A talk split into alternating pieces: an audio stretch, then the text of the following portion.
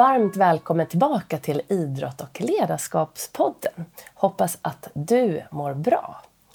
Idag ska jag själv prata med dig och eh, området som jag kommer att ägna mig åt idag är självbildsträning. Och eh, det här området är enligt den integrerade mentala träningen som är den mentala träning som jag är utbildad inom så är det den andra delen i ordningen som du tränar för att bli mentalt stark, alltså för att kunna prestera på topp och må bra på vägen. Så när jag började studera mental träning för eh, flera år sedan så insåg jag väldigt tidigt att, och jag blev väldigt förvånad och väldigt fascinerad också över att det fanns verkligen en viss ordning du kunde träna inom mental träning för att just nå mental styrka och att det var viktigt att göra det i den här ordningen för att annars så är det som att man inte riktigt bygger det där huset från grunden. Så till exempel om du börjar jobba med din målbild utan att först veta hur du reglerar din spänning, ditt spänningstillstånd så blir det mycket svårare att nå dina mål. Så ordningen som man tränar, den här integrerade mentala träningen som då Lars-Erik Unestål kom fram till Eh, Eh, för ja, när han började forska på det här, det var i slutet på 60-talet och 70-talet. Och han då i sin tur hade ju tagit del av litteratur och forskning som hade gjorts ännu tidigare. Men ordningen man jobbar med och som man behöver jobba med och som är då den gemensamma nämnaren hos de som är framgångsrika, både när det gäller inre styrkor och yttre styrkor, så är det nummer ett, du behöver lära dig reglera ditt spänningstillstånd. Alltså mental och fysisk eh, avslappning och avspänningsträning. Så att man till exempel märker att man går upp i varv, blir stressad, spänningen i kroppen höjs som det blir då till exempel när du känner mer press eller när du blir kanske nervös eller när nervositet går över till rädsla. Då behöver du förstå att det här händer, hur, att det är hjärnan som tror att du är rädd på riktigt och stresssystemet är igång. Du behöver veta hur du ska göra för att få ner spänningen. Eller då åt andra hållet om du är en person där du kanske känner att du blir lite låg och liksom håller på att ge upp. Eller vissa har ju den här försvarsmekanismen att när det börjar gå lite dåligt så tänker man så här, ah, äh, jag skiter i det här och så, ah, så koncentrerar man sig inte och tappar lite fokus och tappar den här energin som kan behövas. Och då gäller det att veta hur man ska göra för att få upp spänningen lite grann så att du liksom kommer igång igen. Så det är alltid nummer ett, mental och fysisk avspänning och avslappningsträning. Men den andra delen är då självbildsträning som vi ska prata om idag. Och i förra avsnittet, vilket är då avsnitt 53 tror jag om jag inte minns helt fel, eh, då jobbade jag och pratade om målbildsträning och det är den tredje faktorn så att jag var lite händelserna i förväg där. Men det som kan vara bra är att efter det här avsnittet så kanske du kan gå tillbaka till det avsnitt där jag pratar om målbilder och motivation så kommer du förstå ännu mer um, hur du kan göra för att nå just dina mål. Så självbildsträning är då del två. Och eh, just när jag liksom läste om det här och förstod att självbilden var så otroligt viktig så fick jag lite som en aha-upplevelse för jag kände igen mig själv väldigt mycket. Och i din självbild, alltså din bild du har om dig själv, så finns det olika delar nämligen. Och eh, det finns då, det som jag i alla fall har eh, koncentrerat mig på också i min bok och som, som jag tror är de viktigaste delarna i din självbildsträning, det är då dels självförtroendet. Och ditt självförtroende är ju något som handlar om att du vet att du klarar av saker. Till exempel för min, i min, mitt fall så handlade det om att jag visste att jag var duktig på golf när jag var liten. Då. Jag började träna och kunde ganska snabbt eh, avancera och gick ner i handikapp. Och det gav mig ett starkt självförtroende. Och att jag såg stark utveckling och det byggde ett självförtroende som jag faktiskt inte hade så mycket tidigare. Så att mitt självförtroende ökade i och med att jag tränade och förstod att jag var rätt bra på just, i det här fallet, golf. Då. Det här kan ju ha med saker i skolan att göra. Till exempel matte vet jag är ett sånt här bra ämne där man väldigt lätt kan liksom, du har en mattebok och när du är klar med de uppgifterna får du liksom nästa. Det är lätt att avancera. Och samma sak i läsförståelse. Så kanske du börjar med väldigt stor text um, i en bok med ganska få sidor och nästa, när du har klarat av det, då går du vidare då får du lära dig lite, läsa lite mindre text, kanske lite mer text och så vidare. Också lätt att känna att du utvecklas och självförtroendet kan ju då också hänga med när du märker att du blir bättre och bättre. Så det är självförtroendet. Självkänslan då, som är också en del utav självbildsträningen, den handlar om att du vet att du duger som du är oavsett hur du presterar. Så till exempel om du bara får beröm för att du gör bra saker. Det kan ju hända att det var så när man var liten att du kom och visade en teckning för mamma och pappa som sa liksom Åh vad fin, vad duktig du är. Och så, så om det bara blir så att man får beröm för saker man gör till slut så kan det vara så att man börjar koppla eh, ditt välmående eller att du är bra när du presterar. Så att om man då till exempel är ledsen och arg och kanske inte gör något som ja, som kanske inte är jättebra. Och så får man lite grann att nej, nu får du inte vara arg eller nu får du inte, så där får du inte göra. Eller man kanske har misslyckats med någonting i skolan i något prov och så blev det lite sådär, ah, det var ju inte så bra. Och så fick man inte så mycket feedback på ett bra sätt utan det var, det började helt plötsligt koppla då din prestation till ditt välmående. Och eh, då börjar man få en låg självkänsla. Man tror helt enkelt att man måste prestera eh, för att vara bra. Och så är det ju inte. Du behöver inte prestera för att vara bra. Du är en fantastiskt bra människa precis som du är.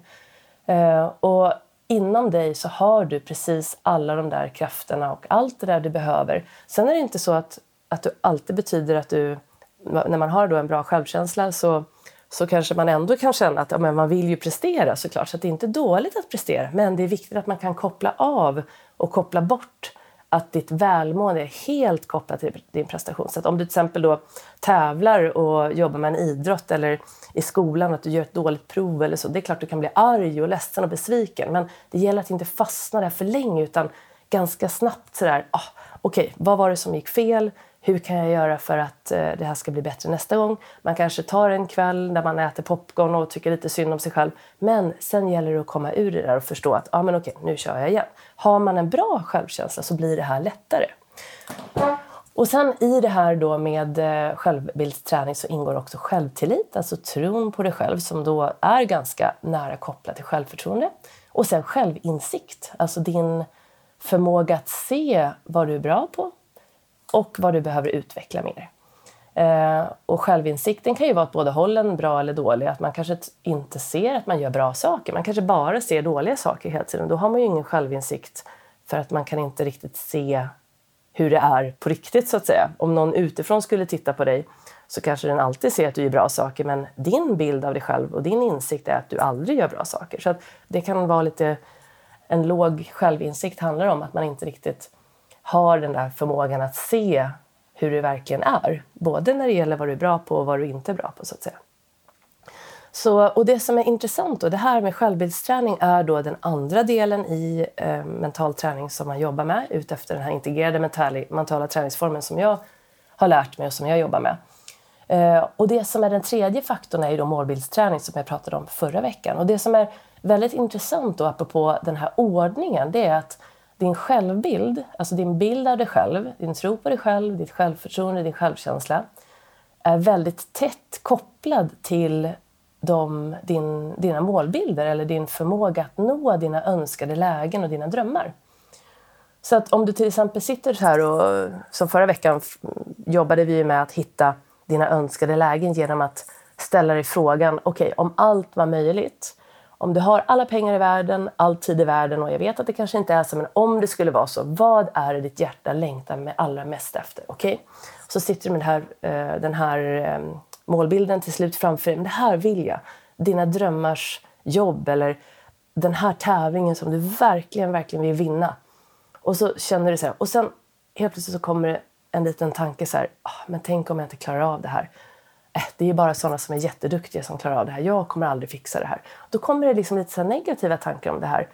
Och då betyder det att din självbild inte riktigt har, hänger ihop med din målbild. Så att, eh, och det som är intressant är att jag har gjort så otroligt mycket studier om mental träning och vad som gör dig stark, mentalt stark och vad som är hinder på vägen och så vidare. Och en sak som, som man gjorde i samband med de här första studierna i Sverige som gjordes, det var att man tog en grupp eh, personer som fick göra ett självbildstest. Alltså de fick se hur självbilden såg ut idag. Ehm, och direkt efter det testet så fick de göra ett annat test. Och det var att de fick en tennisboll och så skulle de då försöka träffa en hink med bollen. Och de fick ställa sig på valfritt avstånd från den här hinken. Okej, okay, och då såg man att de som hade en låg självbild på det här testet, de ställde sig väldigt nära den här hinken för att liksom vara helt säkra på att de skulle träffa den. Och de som hade en god självbild i det här testet, de ställde sig lite längre bort. De kanske inte träffade alla, men de träffade i alla fall mer än hälften av bollarna i den här hinken. Men så fanns det de som ställde sig jättelångt bort från hinken och de hade förmodligen väldigt gott självförtroende. De hade god självtillit, de trodde på sig själva, bra självkänsla. Men självinsikten fanns ju inte. De visste inte att det här var för långt bort så de missade alla sina bollar de också. Så det här med självinsikten hänger ihop väldigt mycket med vilka målbilder du sätter upp. Eh, och även då din tro på dig själv och din självkänsla. Så att självbilden är väldigt tätt kopplad med de målbilder. För att det gäller nämligen när det gäller målbilder att den ska vara järv. Men om den är för djärv, som till exempel de här som hade ganska dålig självinsikt. Det är sådana som sätter upp lite för djärva eh, målbilder. Och då når man inte dem kanske heller och ger upp på vägen. Det kan vara till exempel, jag jobbar ju med helhetsträning så ibland jobbar jag med eh, mental träning ihop med fysträning. Då. Och då kan jag ha en elev som säger att eh, han ska springa maraton till exempel. Ja, och så kommer han i, i mars och säger att ja, jag vill springa i maraton i juni. Ja, men okej, det låter rimligt. Men hur, hur ligger det till just idag? Har du sprungit eh, mycket tidigare? Nej, det här är första gången jag ska göra det här. Och då vet jag då i egenskap av att ha jobbat en del med kondition och fysträning att det är ganska svårt att eh, träna upp sig på bara några månader för att klara ett maraton. Det kanske går, men eh, det kommer vara lite slitigt för kroppen och förmodligen inte jättebra. Så, att hade, så det är inte alls säkert att det här skulle funka. Det är för lite tid helt enkelt. Däremot om man sätter upp maraton året efter så att man har kanske minst i alla fall 9-10 månader att träna då blir det en helt annan möjlighet att nå målet. Så där är det lite grann vilken målbild du ska sätta upp som hänger ihop med självinsikten.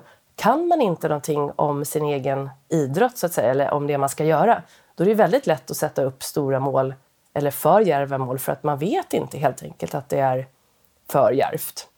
Eh, så där är det bra att anlita någon expert, expert till exempel. Det kan ju hända att det är inom din golf, om du nu är golfare och lyssnar på det här, att du tycker liksom att ah, men jag vill eh, nå det här handikappet och, och, och, så har du liksom inte gjort det eh, utan att du fastnar ändå. Då kan det vara att det kanske är lite för djärvt mål. Du kanske ska höja eller sänka målbilden lite och börja med att säga att du har 25 i handikapp och du vill komma ner till 18 och så har du liksom inte lyckats med det. Man kanske ska säga att min, mitt mål i år det är att komma ner till 23 och blir det då bättre så blir det det. Men börja med att liksom sänka målet lite grann. Och det är här du kan då kanske behöva lite hjälp i, ditt, i coaching för att se hur din målbild ska se ut och då samtidigt, för att komma tillbaka till det här med självbildsträning, jobba med din självbild så att den hänger med, så att du stärker tron på dig själv.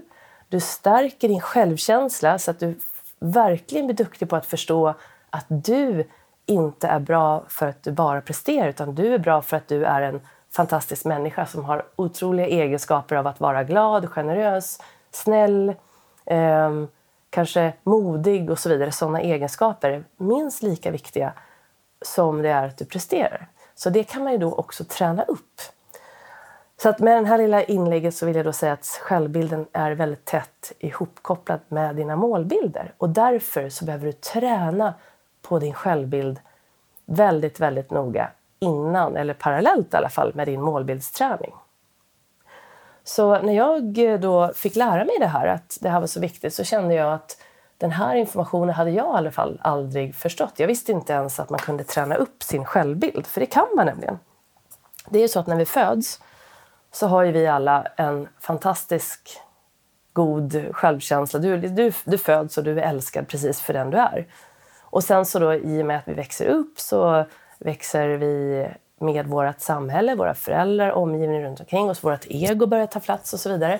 Och det där kan då påverka vår bild av oss själva. Och eh, är det så att vi börjar få en negativ självbild, att vi får en ne negativ inre dialog som då är det mesta som påverkar din bild av dig själv, alltså hur du tänker om dig själv. Eh, den påverkas av yttre omständigheter och sen kan den då ge dig en låg självbild. Eh, det kan alltså utvecklas då genom åren beroende på vilken miljö du hamnar i. Eh, du kanske har en förälder som är fantastiska men så helt plötsligt träffar du en lärare eller någonting i skolan där du är mycket, där, där du helt plötsligt blir lite ja, man får negativ feedback och så vidare, då kan det påverka självbilden. Eller så är det på jobbet, man kanske har en chef eller en anställd eller en kollega menar jag, som, som också gör att den här självbilden kan ruckas på lite grann. Och har du då inte tränat och vet hur du ska träna, då är det svårt att rusta sig och kunna ta emot det här.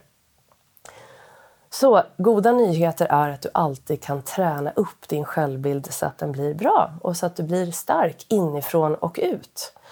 Och eh, när jag skrev min bok då, så följde jag ju då den här ordningen i det kapitel som handlar om mental träning. Och självbilden kommer då som nummer två. Och här har jag hela nio övningar som du kan göra för att stärka din självbild. Um, och um, jag tänkte faktiskt nu att jag skulle ge dig den första övningen redan här. Så precis som förra veckan så tänker jag att du kan ta fram papper och penna och faktiskt göra den här övningen genom att när jag har berättat för dig vad du ska göra så kan du pausa den här inspelningen och bara ta några djupa andetag, kanske sätta på lite musik och skriva ner de här sakerna. Och vill du inte göra det nu och fortsätta lyssna då så kan du göra det vid ett annat tillfälle när det passar dig bäst. Så övningen som då brukar kallas lektion 1 i självbildsträning och som faktiskt jag tror från början kommer från Dr. Martin Seligman. När jag läser om det här, det kan hända att han har fått det från någonting innan dess, men det var så att han, var, han är psykolog, läkare och jobbar på University of Pennsylvania i USA. Och han, historien som jag har hört, eh, den går så här att han jobbade med eh, en grupp människor som var djupt deprimerade. Och de hade varit deprimerade väldigt länge och de hade fått behandlingar och mediciner och det hade liksom inte hjälpt. Och han hade noterat då att de här patienterna som han hade då, de var väldigt probleminriktade. Och de hade ju problem, så det var ju inte så konstigt att de pratade problem. Och sen, men han märkte liksom att varje dag så de var väldigt inriktade på alla problem de hade. Så det var liksom en väldigt negativ inre dialog. Det fanns inga ljus i tillvaron, det fanns ingenting positivt.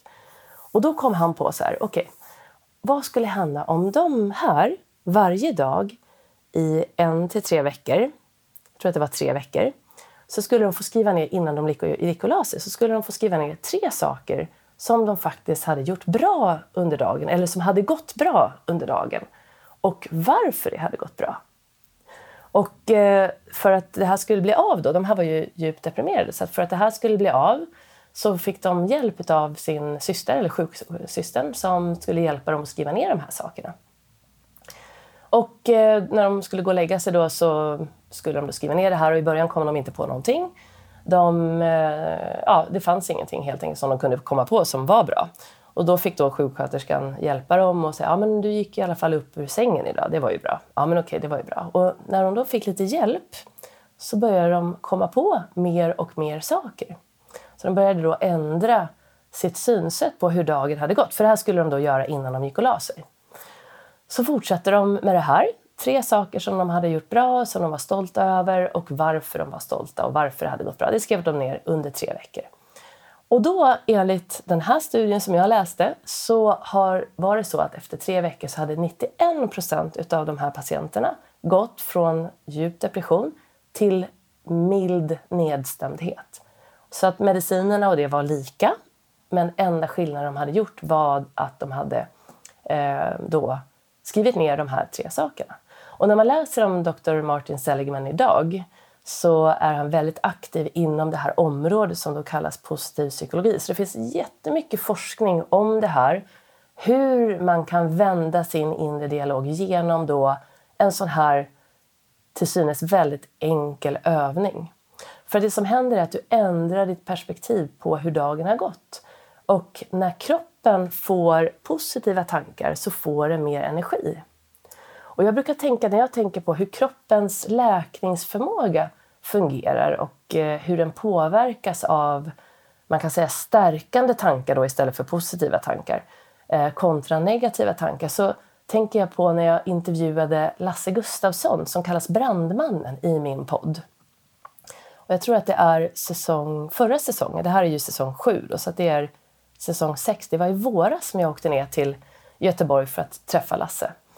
Um, och uh, han berättade för mig, för han är ju då brand, brandskadad. Det här hände för över 30 år sedan, så att nu har ju, är det länge sedan. Men han berättade om den här olyckan och hur det var precis efter. Så han hamnade i en gasexplosion i eh, Göteborg. Han var brandman och hade bara jobbat i en vecka som brandman. Rycker ut med en kollega och flera stycken. Och han och en kollega går in då och, eh, ja, i det här området och det sker en explosion samtidigt som de är där. Och det här betyder att de hamnar i ett stort eldhav.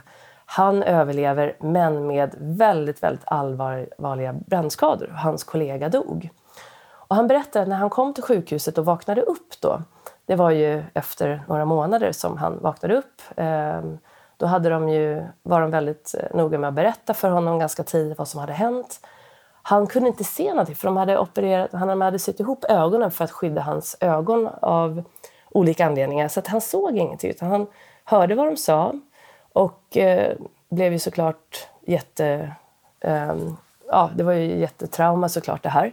Men han berättade då att eftersom det gjorde så ont på hela kroppen, han fick ju tredje gradens brännskador på väldigt stor del av kroppen.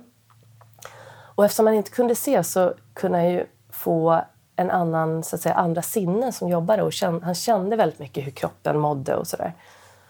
Och då märkte han att så fort, när han tänkte på de här fruktansvärda sakerna som hade hänt, hans kollega hade dött och han tänkte liksom att varför var det han som dog och inte jag? Och hur kunde det här hända mig? Jag som har drömt om att bli brandman och nu bara efter en vecka så händer det här. Då märkte han att kroppen gjorde så ont så att det gick helt, inte att tänk, gick helt enkelt inte att tänka negativt.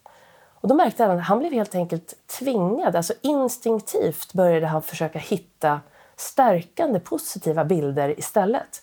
Och då hade han varit uppe och vandrat i Sarek uppe i Norrland. Och då började han visualisera, föreställa sig hur det var när han vandrade upp i Sarek. Så han fick fantastiska bilder av eh, naturen och han började se ett önskat, ett, en målbild framför sig. Han ville vandra i Sarek igen, på egna ben, alldeles själv. Och då märkte han att, och det här, han hade ju då inte jobbat alls med någon form av mental träning innan, utan det här hände då instinktivt. Så att när han började tänka på de här ljusa bilderna, då kände han att kroppen blev lugnare och kroppen läkte bättre. Den gjorde helt enkelt inte lika ont. Så att när han tänkte negativt och fick de här jobbiga känslorna, då gjorde det så ont så att det gick helt enkelt inte att vara kvar i de här negativa tankarna. Och det här får mig att tänka på hur kroppen reagerar på negativa och stärkande tankar, positiva tankar. Och vi som inte är skadade på något sätt, vi låter ju tankarna bara vara för vi märker inte riktigt hur de påverkar oss. Men om vi då går runt med en massa negativa tankar, en inre dialog som är ganska dålig och, och tar mycket energi, för det är det som händer. Det är det som händer Lasse, att negativa tankar tar för, tog för mycket energi från hans kropp så att det gick inte att läka. Positiva tankar, stärkande tankar ger energi. Och då kan du tänka dig då, om du sätter det här i perspektiv till din vardag. Vad skulle hända om du började påverka din inre dialog? Genom att då till exempel göra den här övningen. Innan du går och lägger dig, från och med idag, så skriver du ner hur, tre saker som du är stolt över som du har gjort bra idag. Så nu tänkte jag att du ska få göra det. Och i min bok har jag faktiskt lagt till två saker som jag har också tagit till mig från olika studier som jag har läst. Och det är att till exempel Harvard University de jobbar med en lång lyckostudie. Och där har man då lagt in i de, här viktiga sakerna att reflektera över, tacksamhet eh, varje dag. Och jag har också lagt till hjälp. Alltså vad behöver du hjälp med?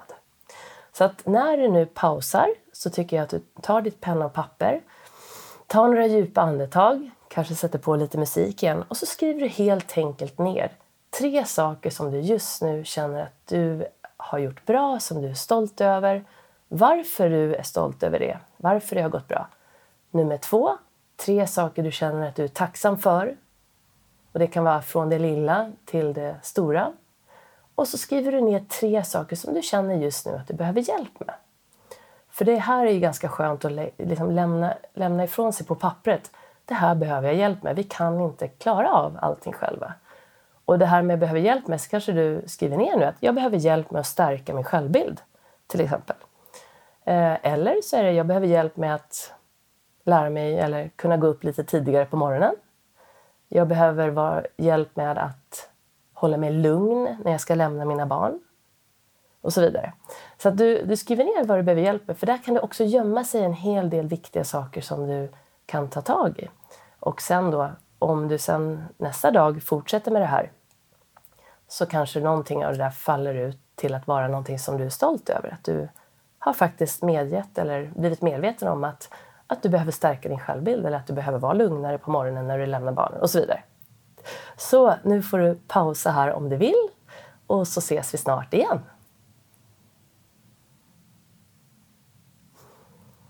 Och då är du välkommen tillbaka.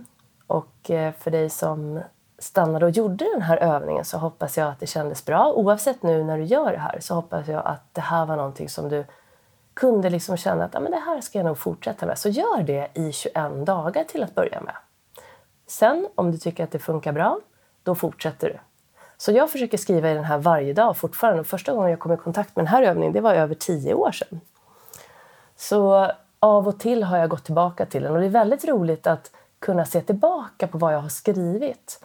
Eh, för att om jag har en dålig dag där jag hamnar i lite negativa tankar så då kan jag gå tillbaka och titta i den här boken och skriva att ja, men, okej, okay, det finns faktiskt en del saker som jag är bra på och som jag har gjort bra. Kanske inte just idag, men det finns tidigare. Och det kan hjälpa mig att skriva ner bra saker idag, även om jag har en dålig dag. Så testa den här övningen. Så som sagt, självbilden går att träna upp, men vi behöver ta lite kontroll och för det första då bli medvetna om hur fungerar din inre dialog. Så när vi börjar med det här och eh, märker, då kommer du kunna under dagarna kanske observera när du börjar tänka negativt. För förmodligen så gör den här tanken att du mår lite dåligt. För en tanke påverkar en känsla eller ger en känsla som ger en ny tanke. Och är tanken då någonting som, känns, som, inte, är dåligt, eh, som inte känns bra, då kommer, säkert, då kommer känslan inte att bli så bra. Och då blir nästa tanke inte så bra heller. Så att när du mår lite dåligt, då är det förmodligen för att dina tankar inte är så bra. Utan att de är, det är helt enkelt dåliga tankar. Och då, om du märker det, då kan du till exempel använda någon form av andningsövning. Så jag vet inte om jag nämnde det förra veckan, men jag, jag har skrivit det på mitt Instagramkonto precis. Att eh, en känsla, det här fick jag lära mig av en väldigt, väldigt erfaren yogalärare.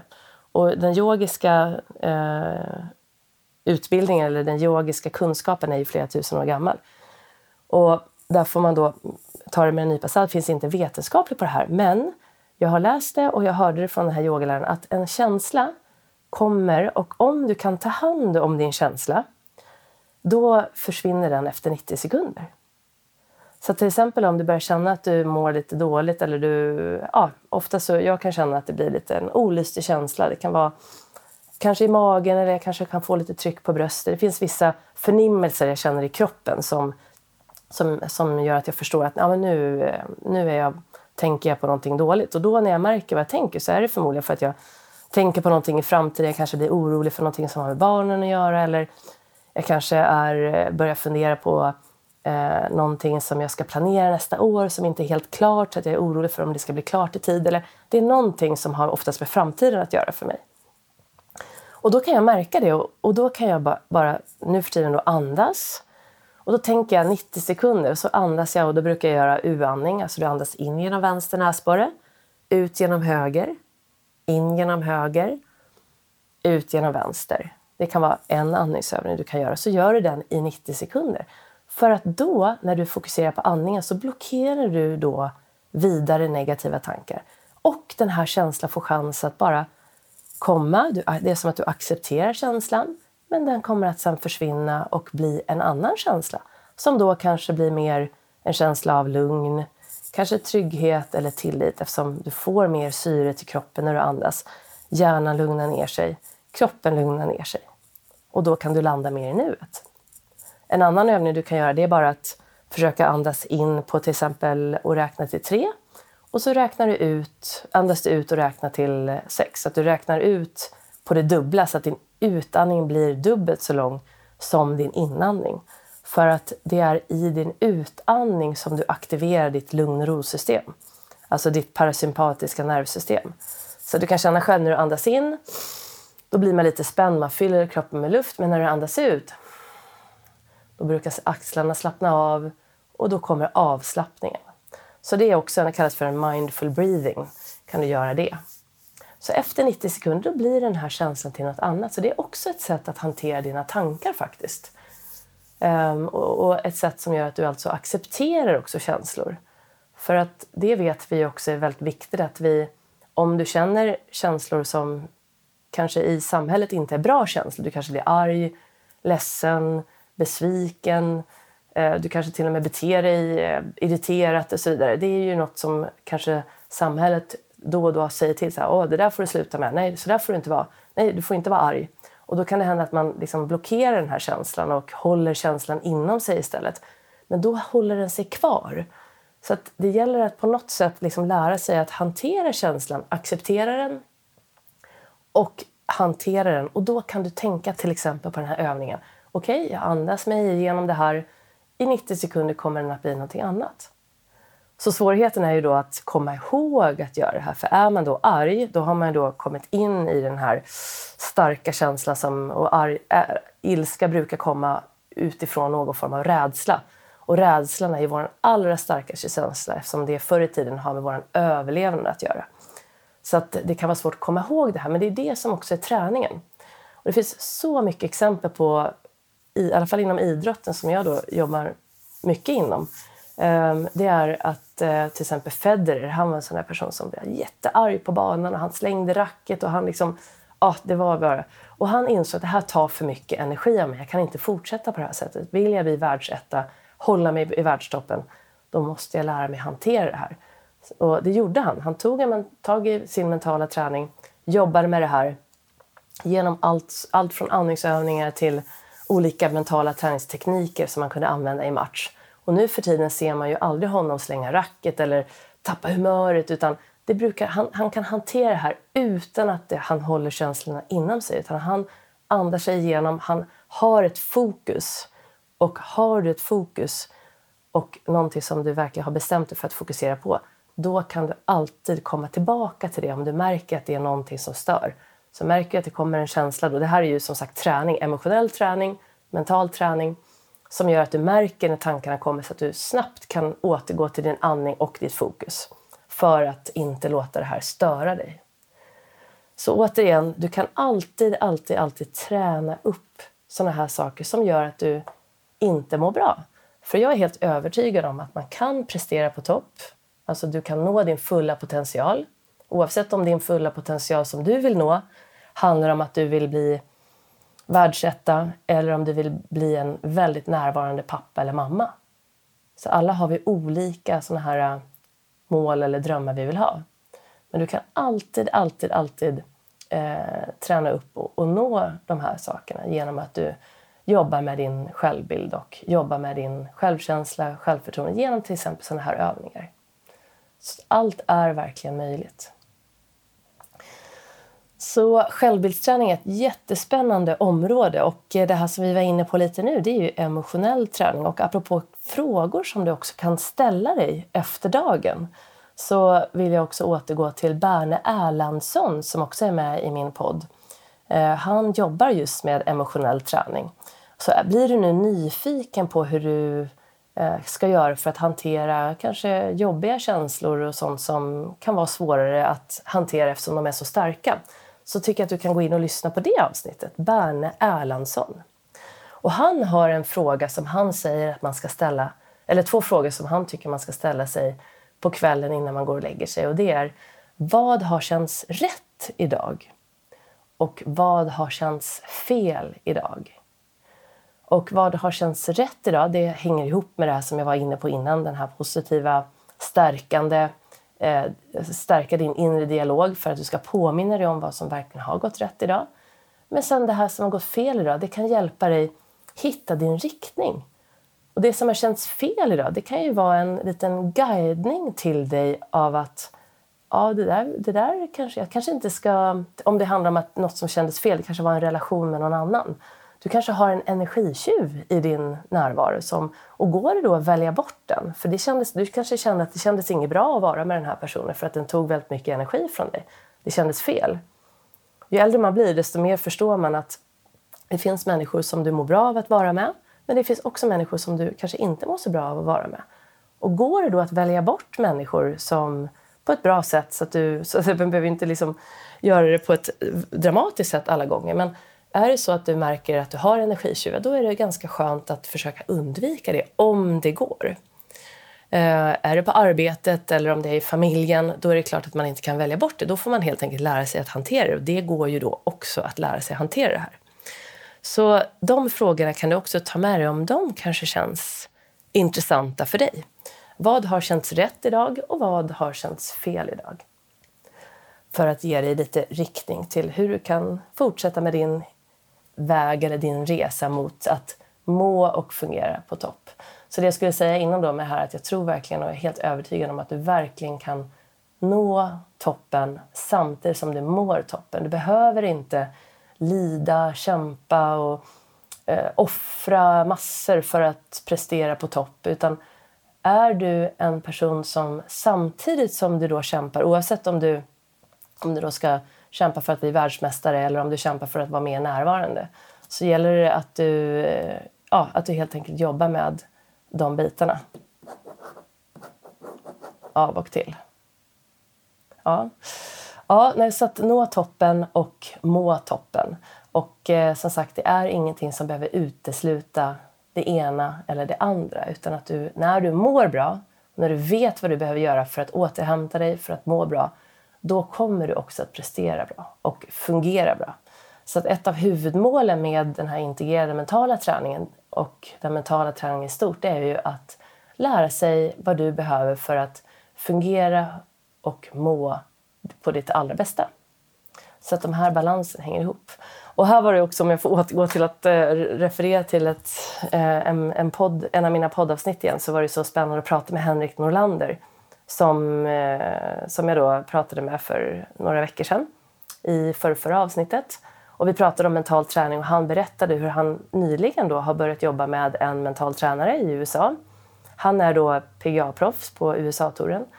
Och han berättar ju verkligen, verkligen hur viktigt det var för honom att förstå att eh, återhämtning, vila, att må bra var en förutsättning för att han ska prestera på topp. Och nu såg jag här i att han placerade sig jättebra i senaste tävlingen på PGA-touren. Han blev femma. Så att det kändes som att han hade någonting på spåret där när jag pratade med honom och det verkar som att han verkligen, verkligen har hittat en helt ny nivå i sitt spel. Så att när du har lagt ner dina 10 000 timmar på din teknikträning och du jobbar med din fys då är det väldigt, väldigt viktigt att du har din mentala träning med dig också. Och bör, ju tidigare du börjar med det här, desto bättre är det. Och jag brukar säga från, jag tror att man brukar säga från åtta år kan du börja i alla fall med avspänningsträning och självbildsträning. Och sen mer mottaglig blir du när det gäller målbildsträning kanske från, jag brukar märka på mina ungdomar jag jobbar med att det kanske rör sig om från 14 år, någonting sånt.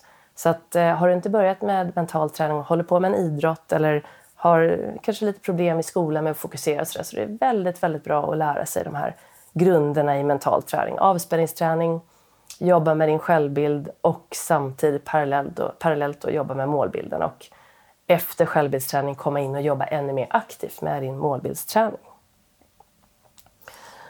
Och eh, när det gäller självbildsträning så ingår ju där då som jag nämnde från början självförtroende, självkänsla, självtillit, självinsikt. Och det går att träna upp det här, men det är en färskvara. Så att vi behöver alla jobba med det här regelbundet för att ha en chans liksom, att stå emot och kunna vara rustad för hinder som dyker upp i din, i din närvaro. Och här, just i den här delen som handlar om din självbild och även avspänningsträning så jobbar jag då mycket med just en yogaform som heter medyoga men också med mindfulness. Och i mindfulness-träningen så finns det en väldigt, väldigt fin övning som jag nu verkligen också rekommenderar. Jag brukar använda den i mina kurser som jag har. Eh, och vi kommer in på den när vi kommer till just självbildsträningen. Jag har inte med den här i min bok tyvärr. Det får väl bli i nästa bok. Men den heter Kärleksfull vänlighet. Det är som en meditation kan man säga till dig själv. Och den bästa eh, guidningen i det här som jag vet, den, eller som jag, det är två stycken. Det är dels via Sara Emilioni och Balansinstitutet som, är, eh, som jobbar med mindfulnessutbildningar och mindfulnessträning eh, i form av balansträning kan man säga. Och eh, Sara har då kombinerat med-yoga med mindfulnessövningar. Och eh, det, här programmet jobbar jag med då och eh, det heter Mimi och i det här sexveckorsprogrammet men också i tolvveckorsprogrammet så ingår den här övningen Kärleksfull vänlighet. Så om du är nyfiken så kan du gå in och ladda ner eh, det här programmet via hennes sida, balansinstitutet.se. Sen finns det också en app som jag fick rekommenderad för länge sedan när jag gick till en samtalsterapeut. Det var under mina år när jag var VD på en resebyrå här så var jag ändå ganska klok att jag förstod att jag behövde ha någon att prata med. Och hon pratade bara om mindfulness egentligen hela tiden. Och då fick jag rekommenderat en app som heter Lugn och lycklig. Och den använder jag fortfarande idag. Så där finns det både meditationer i form av kroppsscanning som också ingår i mindfulness-träning som är jätte, jättebra för dig som vill landa lite mer i kroppen och som känner att du är mer för mycket uppe i hjärnan hela tiden. Men där finns också den här kärleksfull vänlighet. Så det betyder egentligen att du lyssnar, eh, den är 14 minuter lång, du lyssnar på en guidad eh, fil kan man säga. Ehm, och och eh, blir påmind om hur du ska hitta en bättre inre dialog om dig själv genom att fokusera på kärlek till dig själv och genom att fokusera på människor eller djur eller situationer i din tillvaro där du märker att andra faktiskt älskar dig precis som du är. Så den eh, övningen eller den meditationen kan jag verkligen varmt rekommendera om du känner att du behöver stärka din, framförallt din självkänsla då, och din inre dialog. Så Lugn och lycklig heter den appen. Och eh, sen har jag då som sagt i min bok nästan, ja det finns nio övningar som du kan gå vidare med och självbildsträningen är då den andra delen. Så att har du, känner du nu att du är stressad och har en hög grundspänning då, då kan jag varmt rekommendera att du börjar med att jobba med att få ner din grundspänning så att den blir låg. För att har du en hög grundspänning och känner stress automatiskt så kommer du ha mer negativa tankar i huvudet. Du är mer orolig när du är stressad helt enkelt. Och stress i sig kommer då från tankar från början, så det är liksom lite moment 22. Så att börja då med att hitta verktyg för att du ska dagligen 7 till 15 minuter jobba med att få ner din grundspänning. Och det kan du göra genom eh, yoga. Du är varmt välkommen till mina yogapass om du bor i Stockholm. Måndagar 07.00 eller onsdagskvällar 19.00 på Inmo, medveten träning, Brahegatan. gatan. Eh, eller så kan du följa olika appar.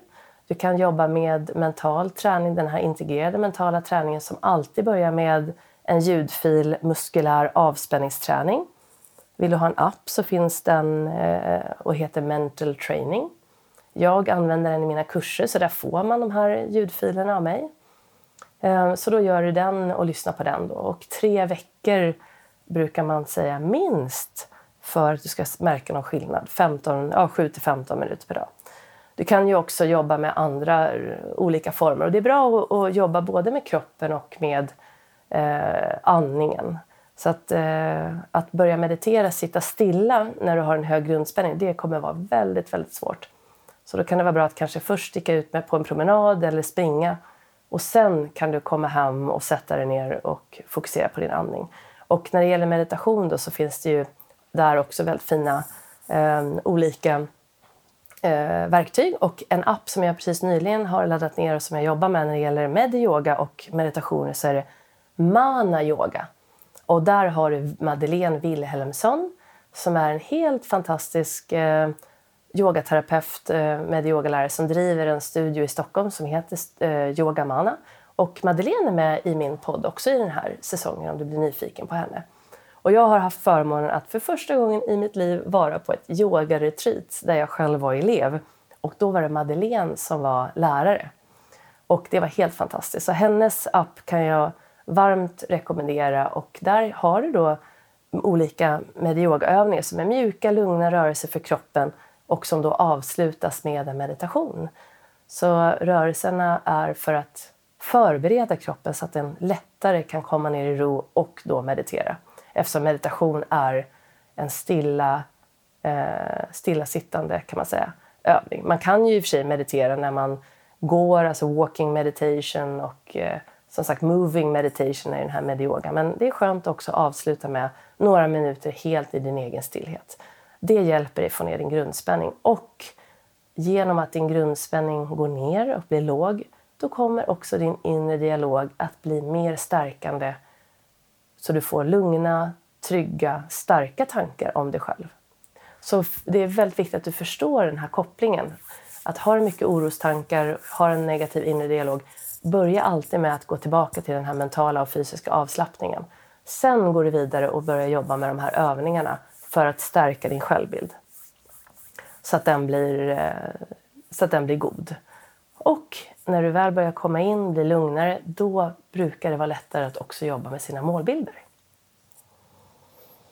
Så jag tror att vi tar några djupa andetag tillsammans och bara andas in genom näsan, andas ut genom näsan.